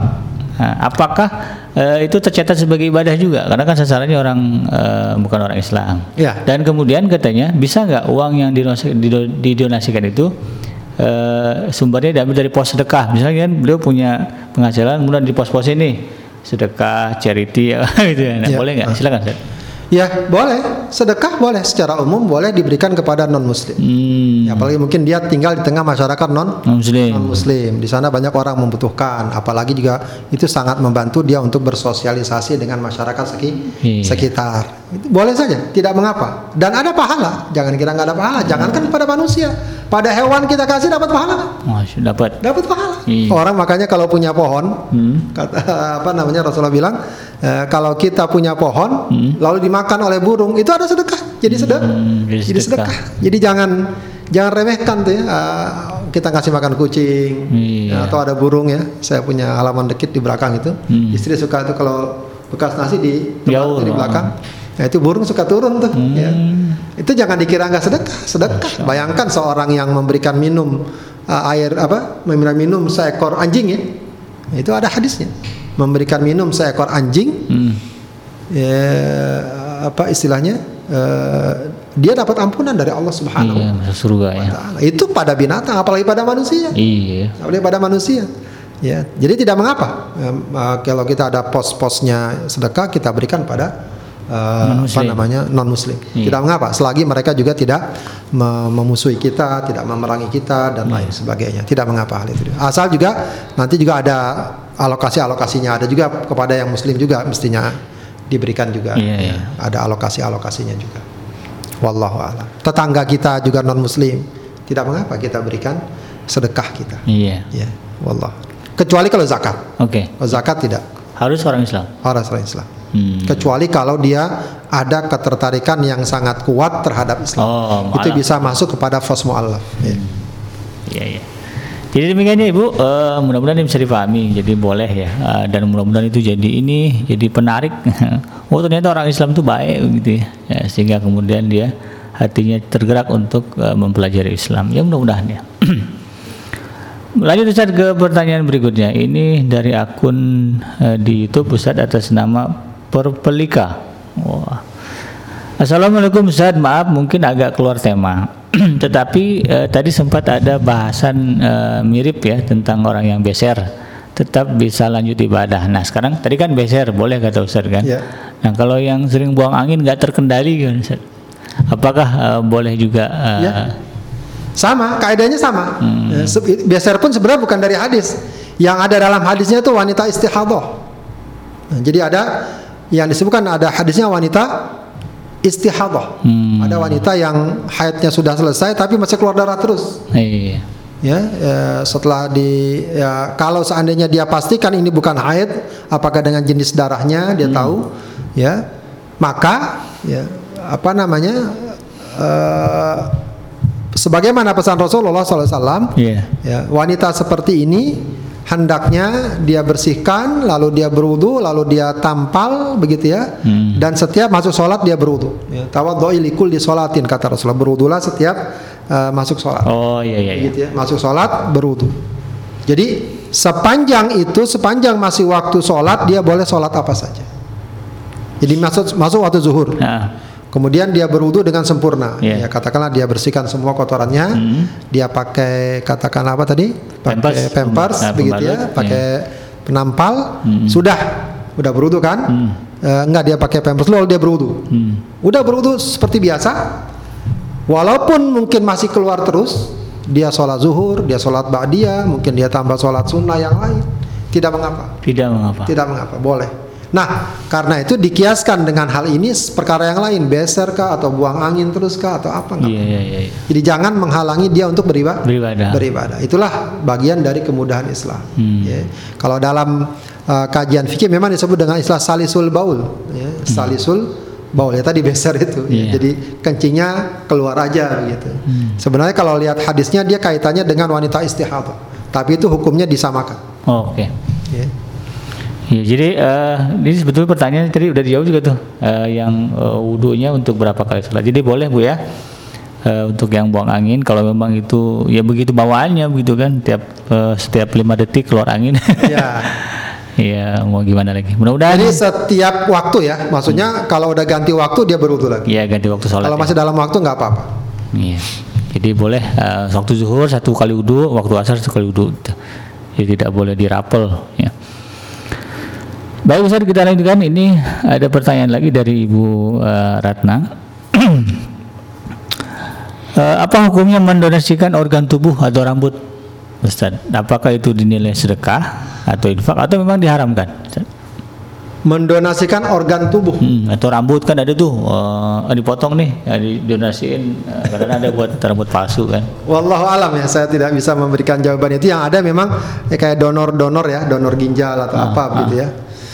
Wallahu alam. Kalau sebagai yang pernah saya baca, pada dasarnya tubuh manusia dihormati. Ya, sebagaimana dihormati masa hidupnya, dihormati setelah mening Iya. setelah meninggal. Maka nggak boleh misalnya eh, tubuh manusia di apa istilah dirusak dan lain sebagainya. Wallahu alam jika memang kondisi sangat darurat dan sangat membutuh membutuhkan. Saya kira kalau rambut tuh nggak ada kepentingan yang mendasar ya. Ya, kepentingan yang sangat menda- Mendasar. mendasar. Ya, Eh, perkara seperti ini saya masih belum bisa memberikan eh, jawaban. ya mungkin nanti di lain waktu kalau seandainya ada yang dapat saya berikan. Ya, tapi eh, memang ada kalau masalah donor ginjal, Iya, saudara misalnya satu. saudara atau donor apa-apa begitu. Hmm. Nah, itu memang ada beberapa eh, pertimbangan. Nah, itu kayak kayak gitu memang eh, bagusnya eh, kalau memang itu kan ma- masalah besar ya. Iya. Masalah besar. Artinya bagus kalau dia misalnya sebelum melakukannya dia minta fatwa dulu ke lembaga yang dikenal, apakah Majelis Ulama misalnya, Hmm. Iya. gitu ya. Sebelum dia mengambil tindak Tindakan. tindakan karena itu perkara besar begitu ya. kalau memang berbagai macam pertimbangan apalagi mungkin tujuannya untuk menyelamatkan nyawa siapakah orang tuanya atau orang dekat Iya. ya mudah-mudahan eh, Allah berikan kemudahan ya, tapi tetap dengan catatan kaedah ya tidak menimbulkan bah- Bahaya. bahaya buat dirinya. Iya. sebab juga nggak boleh memberikan bahaya buat Berdiri. dirinya. Apakah nanti itu kan nanti juga ada faktor medisnya kan? Medis akan melihat ini mungkin nggak? Ya nggak main donor aja. Apalagi kalau sudah faktornya ekonomi itu udah nggak bener lagi. Jual. mau pengen dapat uang pengen dapat apa jual ginjalnya atau apa itu nggak benar. Walaupun atas alasan kemiskinan. Ya untuk hal itu mestinya dicarikan cara dan solusi. Hmm. tapi menjual anggota tubuh ya dengan alasan pengen dapat uang dan lain sebagainya itu sesuatu yang eh, secara umum tidak dibenarkan. Ya. Wallahu a'lam. Kalau eh, anu Ustaz, darah. Nah, tadi kan organ tubuh. Kalau untuk darah penekanannya gimana? Kalau donor darah saya kira sudah eh, umum ya. Dan sejauh ini tidak ada halangan karena perkara darah ini juga sesuatu yang apa istilahnya Insya Allah berganti ya. Dia dia akan ada. Bahkan eh, banyak eh, misalnya kajian eh, menunjukkan bahwa orang kalau donor darah malah semakin bagus Hmm. dari segi peredaran darah ya kecuali kalau justru memang akan melemahkan maka biasa kalau orang mau donor darah dicek Cek dulu, dulu iya. Ya saya terakhir mau donor darah gagal karena nggak sesuai ya. kesehatannya tidak uh, kondisi darah tidak tidak bagus begitu ya. Jadi nah itu kembali kepada faktor medis juga. Ah. Kalau faktor medisnya bagus mendukung ya secara umum tidak ada halangan, tidak ada halangan donor darah apalagi biasanya di eh, sangat dibutuhkan. Ya sangat dibutuhkan dan darah itu nggak nggak nggak sama dengan misalnya ginjal. Kalau ginjal diambil nggak bisa ganti lagi. Ya, kalau darah diambil dia Ada akan gantinya. ada ada proses yang Iya. terus menghadirkan darah tersebut begitu ya insya Allah tidak masalah kalau darah Oke. ya Siap, Ustaz. Jadi kalau eh, darah oke, kalau organ yuk, ya lebih baik jangan lah gitu ya, kecuali memang ya kondisi- kalau memang mendesak Ah. bagus dia minta Fatwa ya, dulu. fatwa yang Ah. kuat ya, dari lembaga yang kuat ya, silakan saja kalau memang mendesak Mm-mm. Ya. Ya, terutama mungkin dari eh, orang tua ke anak atau anak ke orang tua. Eh, ya inilah ya eh, dinamika kehidupan kita. Mudah-mudahan saya dipahami Bu ya. Eh, kalau rambut, nah tadi memang Ustaz, saya pernah lihat eh, tayangan di eh, TV kabel Ustaz. Jadi di India itu ada, ada semacam ritual eh, di agama Hindu itu dia di, di- di- eh, rambut ra- dia mendonasikan rambut, rambutnya dikasih ke kuil eh, sebagai bentuk pengorbanan. Lalu kemudian ternyata entah sepengetahuan mereka atau tidak, rambut ini dijual ke negara di Eropa dengan harga yang mahal. oh gitu ya Nah, jadi artinya bisa diuangkan gitu Zat. Nah, itu loh yang mungkin ibu katakan itu pengen jelas. Wallahu alam ya saya kira kalau rambut kan nggak mendesak ya Iya. Dapat juga kalau kayak itu bisa dijual tukang tukang rambut bisa bisa rebut Dan katanya diakui di situ bahwa rambut terbagus eh, untuk dijadikan rambut palsu itu dari India. Wow, ya itu ya. Eh, itulah eh, realita kehidupan kita. Baik Ustaz, kita lanjutkan ke pertanyaan eh, berikutnya ini Ustaz. Dari mana? Ah, ini Ustaz. Ustaz mohon penjelasan apakah eh, yang dimaksud eh, berhubungan intim dengan istri eh, itu adalah sedekah hanya untuk suami saja atau istri juga dapat pahala sedekah Ustaz? Ya jelas dapat pahala juga.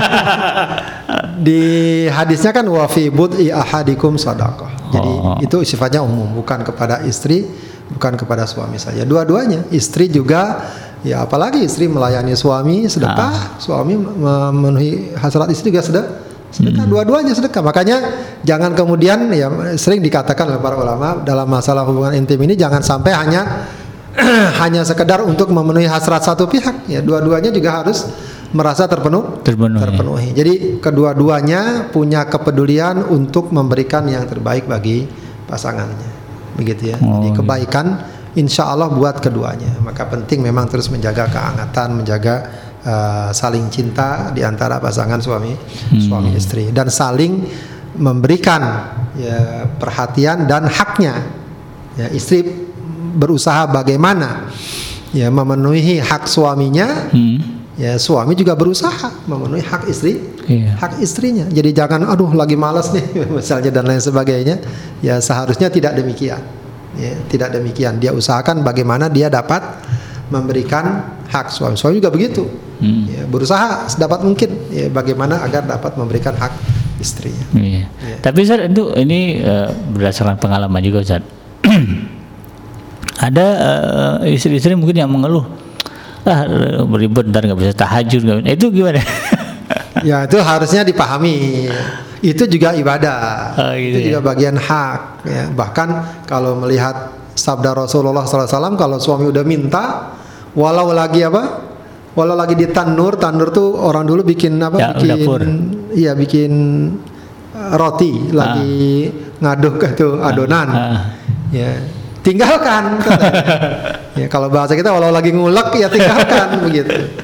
Jadi sampai seperti itu ya. Eh, maksudnya adalah bu- tentu tidak harus begitu prakteknya. Iya, iya, iya. Akan tapi eh, sedapat mungkin walau misalnya oh, ntar nggak bisa ibadah ya Anda juga lagi ibadah ya Anda Iya. tahajud suami marah kesel ya. Dilaknat malaikat sampai mana? Gitu. Artinya harus memahami perkara secara utuh. Mm-mm. ya memahami perkara secara secara utuh. Ya baik mungkin malam ini saya nggak bisa tahajud karena harus melayani suami dan lain sebagainya. Tidak masalah. Hmm. tidak masalah. Tidak insya Allah tidak akan berkurang keutama. Utama. apalagi kalau dua-duanya bisa. Iya. saya kira itu juga bukan suatu penghalang ya. Emangnya mau semalaman persis? Ya artinya masih bisa dilaku dilakukan kalau ada kemauan. Dan juga kan nggak mungkin setiap hari dan seterusnya. Jangan giliran pengen melayani hal itu ngomongnya tahajud. Iya. giliran kagak nggak tahajud juga begitu. Karena suka ada orang Iya. cari-cari alasan gitu. Iya, untuk menolak. Tapi kan ini kadang-kadang eh, ada yang berpikir eh, soalnya harus eh, apalagi di daerah yang negaranya dingin saat kan harus eh, bangun nanti mandi mandi nggak ada air hangat nah itu kan jadi ribet nah Ya pokoknya insya Allah ada usaha. Ah, gitu usaha tuh ada. Ya, Kan Oke. nggak ada air hangat tinggal masak kan bisa aja. Ah, gitu ya Nggak mesti harus pakai mesin heater Pemanas, ya? gitu, pemanas. Ada bisa masak air mandi pun nggak harus mandi jemur-jemur kan. iya Yang penting basah semuanya. Ah. Ya, mungkin saya ember pun bisa gitu ya.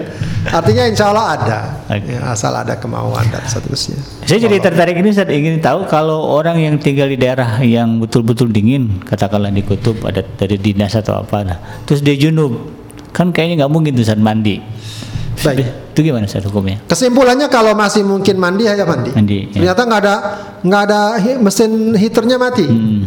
Ya. Dia kan masih bisa masak. Bisa nggak? Nah, apinya misalnya Apinya nggak ada. Ah. Ya udah tayamum. Boleh. Kalau memang nggak bisa menggunakan air, Iya. tayamum. Iya, Ya, iya. tayamum. Misalnya wah ini kan nggak kuat nih mandi. Terus dingin kayak gini. Memang kalau kita nggak kebayang ya kalau di Iya. negeri yang dingin memang betul nggak kuat. Betul, Ustaz. Betul nggak kuat. Itu sangat tidak mungkin. Ya, kalau kita sekedar di puncak sih masih bisa itu. Ya, airnya dingin memang tapi masih bisa mandi. Iya. kecuali kalau orang takut mandi ya. ya tapi atau tapi mungkin bisa juga ada orang yang memang rematik eh, parah begitu ya nggak ada air panas nggak bisa masak air panas maka dia bisa tayamum. Ah, bisa tayamum. Kalau sekiranya bahaya. Ya, sekiranya bahaya ya memang bahaya kalau orang di negeri yang minus gitu atau sangat dingin mm, itu mandi pakai air dingin ya bisa kaku ya. Hmm. bisa kaku. Ya kalau memang nggak mungkin ya nggak ada alat untuk memanaskan air apakah dimasak atau mesinnya ya dan dia nggak kuat ya bisa tayamum. Mm. bisa tayamum. Itu termasuk bagian orang yang tidak bisa terhalang atau orang yang terhalang untuk menggunakan air Iya. Ini pertanyaan terakhir Ustaz, untuk untuk eh, memperjelas saya Ustaz. Hukum jual beli rambut tadi Ustaz. Boleh nggak? Wallah alam jual beli anggota tubuh secara umum tidak dibenarkan Ah, Oke. Ya, tidak dibenar Jadi benar. tidak dibenarkan ya kita mungkin pernah ingat juga kisah istrinya Nabi Ayub ya Iya. yang itu malah justru dia pengen membantu suaminya tapi Nabi Ayub tidak setuju Hmm. Jual rambut kan ya setahu yang saya pahami jual beli anggota tubuh tidak diboleh Tidak diboleh. Tidak diboleh. Sekalipun rambut. sekalipun rambut termasuk donor darah juga sebenarnya bukan untuk dijual Hmm, untuk disumbang disumbangkan. sumbangkan Oke. Wallahu a'lam. Ya, baik. jadi itu, itu ya Bu Ratna, kalau ada yang mendonasikan rambut ya jadi batal gitu karena hukumnya memang kan tidak boleh dijual belikan gitu kan. Tidak boleh diperjualbelikan. Baik Ustadz, eh, kita sudah di eh, ujung acara. Sebelum kita tutup, eh, mohon memberikan closing statement terkait dengan tema kita pada hari ini, yaitu peluang pala di hadis yang ke-25. Silakan Ustadz. Baik, eh, sahabat hadirin yang dimuliakan Allah Subhanahu wa taala, eh, kesimpulannya adalah bahwa eh, sebagaimana yang Rasulullah katakan kepada kita bahwa eh, surga itu sangat dekat. Iya. Sebagaimana neraka sangat Dekat. sangat dekat. Artinya apa? Pintu-pintu kebaikan, peluang-peluang kebaikan begitu banyak terbentang di hadapan kita dalam berbagai macam situasi dan kondisi. Hmm, Kita tetap dapat dengan mudah mencari kebaik kebaikan. Ya, tinggal masalahnya adalah yang sangat kita butuhkan motivasi, kemauan dan mentalitas kita untuk selalu mencari berbagai macam jalan kebaik Baik. kebaikan. Itu saja yang patut kita kuatkan. Kalau itu kita kuatkan, insya Allah sesulit dan sesempit apa pun jalan-jalan kebaikan amal soleh itu pasti akan tersedia, Tersedia. pasti akan tersedia. Nah, untuk menguatkannya inilah kita butuh nasihat, kita butuh hadir di majelis ilmu, kita butuh dorongan-dorongan dan motivasi orang-orang yang baik, orang-orang yang baik. Iya. Saja barangkali, mudah-mudahan bermanfaat. Assalamualaikum warahmatullahi wabarakatuh. Waalaikumsalam warahmatullahi wabarakatuh. Baik, eh, tuntas sudah kebersamaan kita di eh, program Ngaji From Home edisi eh, hari ini, hari Rabu ya. eh hari Kamis, maaf. Tanggal 28 Ramadan 1441 Hijriah. Insya Allah masih ada lagi besok ya Ustaz Hadir masih akan hadir ke studio untuk mengisi kajian di akhir bulan Ramadan ya. Nanti insya Allah setelah hari raya kita akan usahakan eh, ngaji from home tetap ada. Ya nanti kita informasikan lebih detailnya seperti apa. Dan terima kasih bagi anda yang sudah mendonasikan sebagian rezekinya eh, untuk kemaslahatan berbagai program dakwah yang ada di Dream Radio. Dan juga terima kasih bagi yang sudah menyalurkan zakatnya di lembaga zakat sukses yang mensponsor eh, mensponsori acara ini. Dan jangan lupa kan nanti di jam 16 akan hadir kembali eh, ngaji from home edisi sore hari ya bersama dengan kalau nggak salah Ustadz eh, Sahroni Mardani ya dengan pembahasan surah Nabawiyah. Mudah-mudahan Allah Subhanahu wa taala eh, mencatat segala kebaikan kita yang kita kerjakan pada hari ini ya, pada saat ini yaitu menghadiri majelis pengajian dan eh, semoga kita semuanya bisa menuntaskan ibadah di bulan Ramadan tahun ini. Amin ya rabbal alamin. Dan saya bikin beserta kru yang bertugas eh, memohon dibukakan pintu maaf yang sebesar-besarnya. Saya tutup dengan bacaan hamdalah alhamdulillahirabbil alamin dan doa penutup majelis. Subhanaka Allahumma rabbana wa bihamdika asyhadu an la ilaha illa anta astaghfiruka wa atubu ilaik. Billahi taufiq wal hidayah. Wassalamualaikum warahmatullahi wabarakatuh.